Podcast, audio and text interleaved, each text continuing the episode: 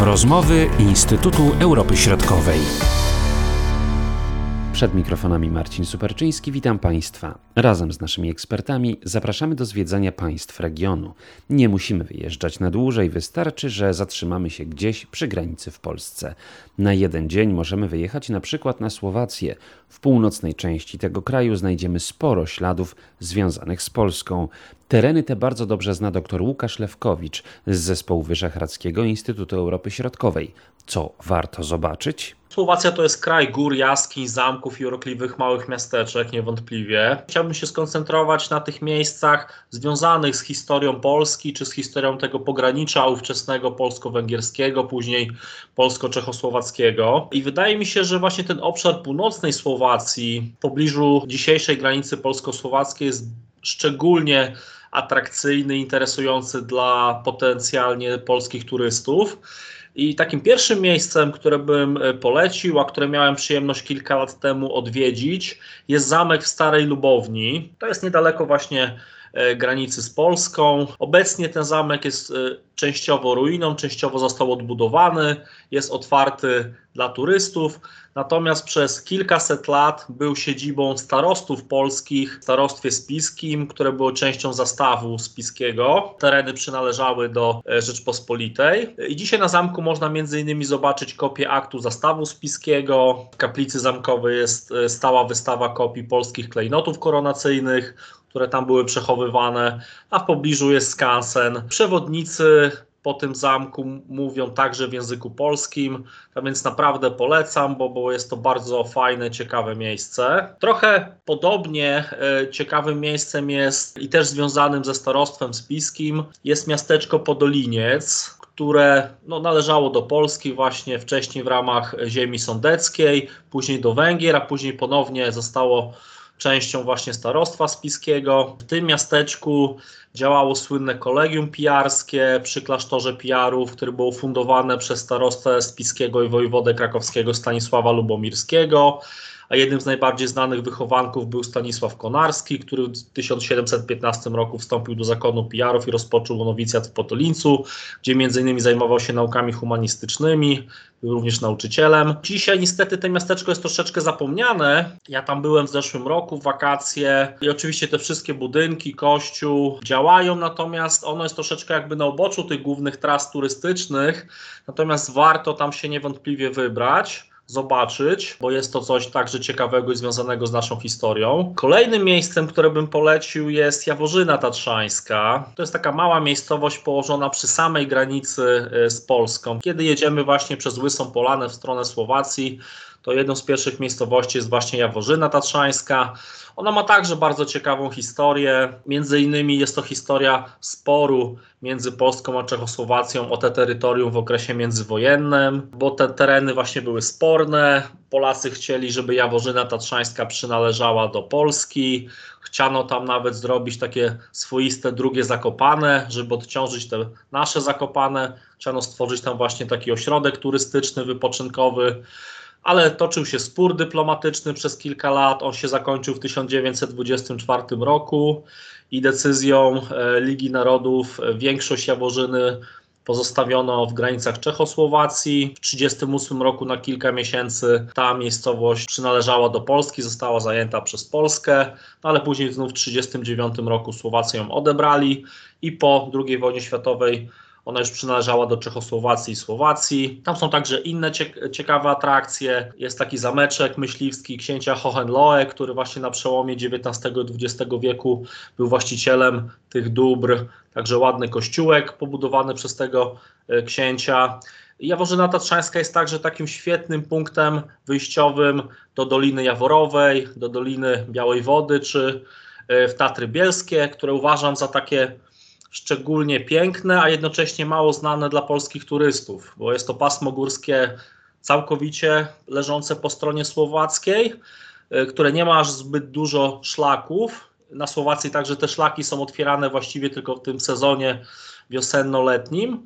Natomiast na pewno jest to bardzo takie ciekawe miejsce dla, dla wszystkich, którzy kochają turystykę górską. Kolejne atrakcje, które polecam, e, a z których Słowacja słynie, to są jaskinie które jest bardzo dużo na Słowacji i kilkanaście z nich jest otwartych dla ruchu turystycznego, a kilka jest położonych właśnie niedaleko granicy z Polską, na tym obszarze Tatr i Podtatrza. Pierwszą taką największą atrakcją jest jaskinia bielska, położona kilkanaście kilometrów od granicy z Polską, w Tatrach Bielskich, w miejscowości Tatrzańska Kotlina. Jest to jaskinia, która była znana już bardzo dawno temu, odkryta przez poszukiwaczy skarbów. Następnie została ponownie odkryta e, w drugiej połowie XIX wieku, otwarta dla ruchu turystycznego. Była jedną z pierwszych jaskiń, gdzie było oświetlenie elektryczne i do dzisiaj jest to bardzo duża atrakcja turystyczna e, tej części e, Słowacji.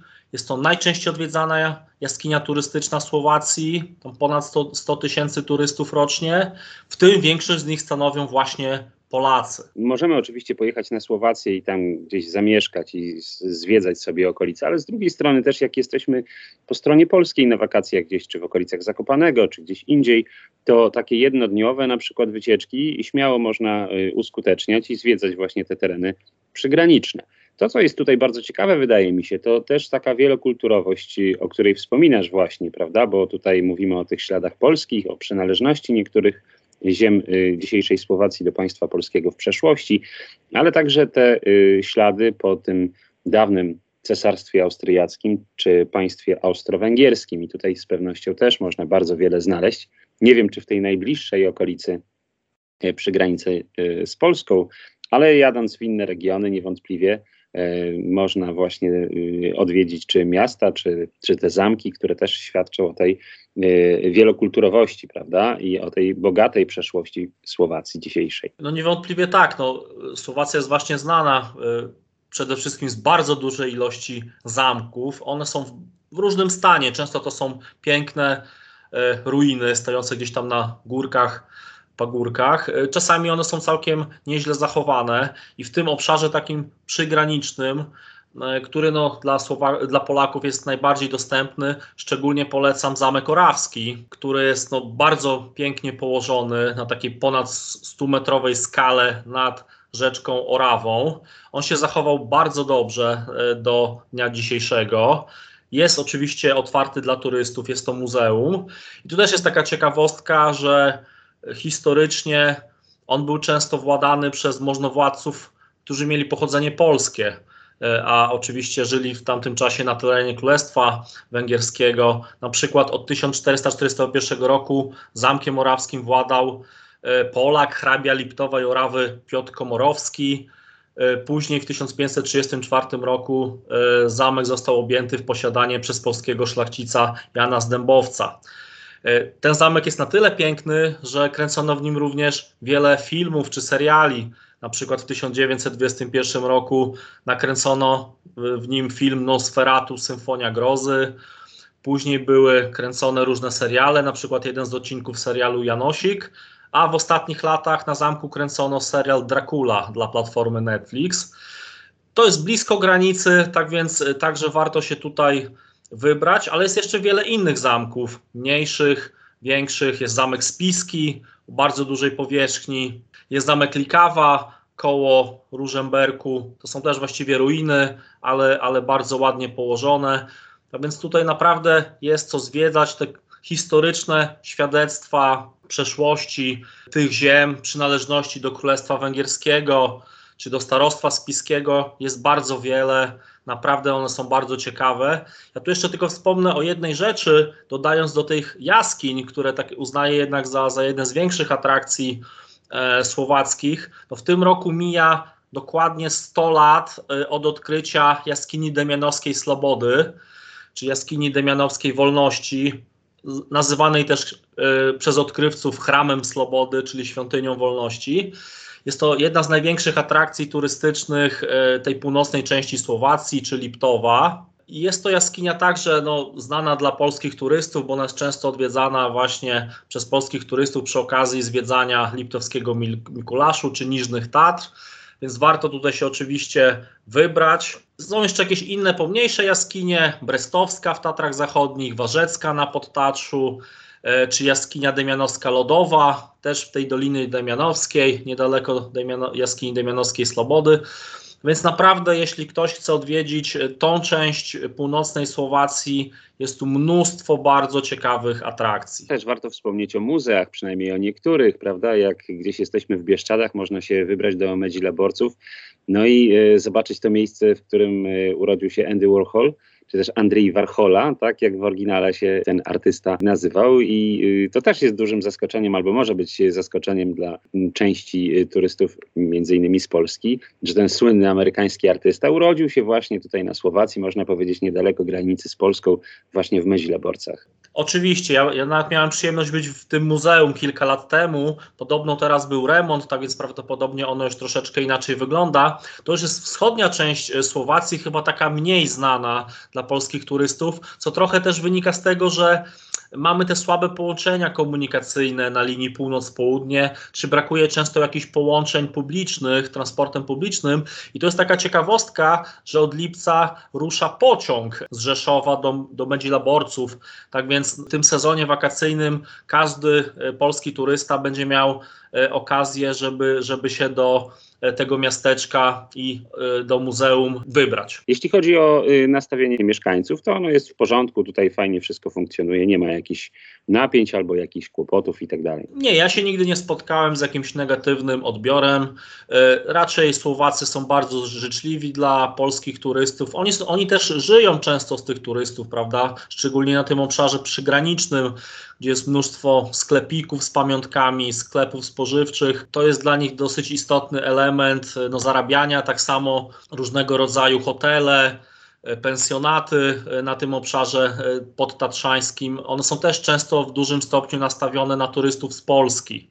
Tak więc coraz częściej pojawiają się informacje w języku polskim. Mamy też przewodników, którzy często mówią w języku polskim i generalnie na tym obszarze przygranicznym część, część Słowaków posługuje się tą gwarą góralską czy taką gwarą bardzo podobną do języka polskiego, tak więc można się często również swobodnie porozumieć, co nie jest takie oczywiste w jakichś dalszych regionach Słowacji, na przykład w Bratysławie, gdzie raczej w języku polskim się nie dogadamy. Natomiast na tych obszarach przygranicznych ja się nigdy nie spotkałem z jakimś negatywnym odbiorem. Tak więc y, na, naprawdę to są osoby życzliwe i na pewno ta kwestia pandemii, tych pewnych ograniczeń w ostatnim ponad ro, półtora roku czasu, no na pewno dotknęła e, e, mieszkańców Słowacji, tych szczególnie, którzy żyją z turystyki. Mówił dr Łukasz Lewkowicz. Ja się nazywam Marcin Superczyński. Do usłyszenia. Były to rozmowy Instytutu Europy Środkowej.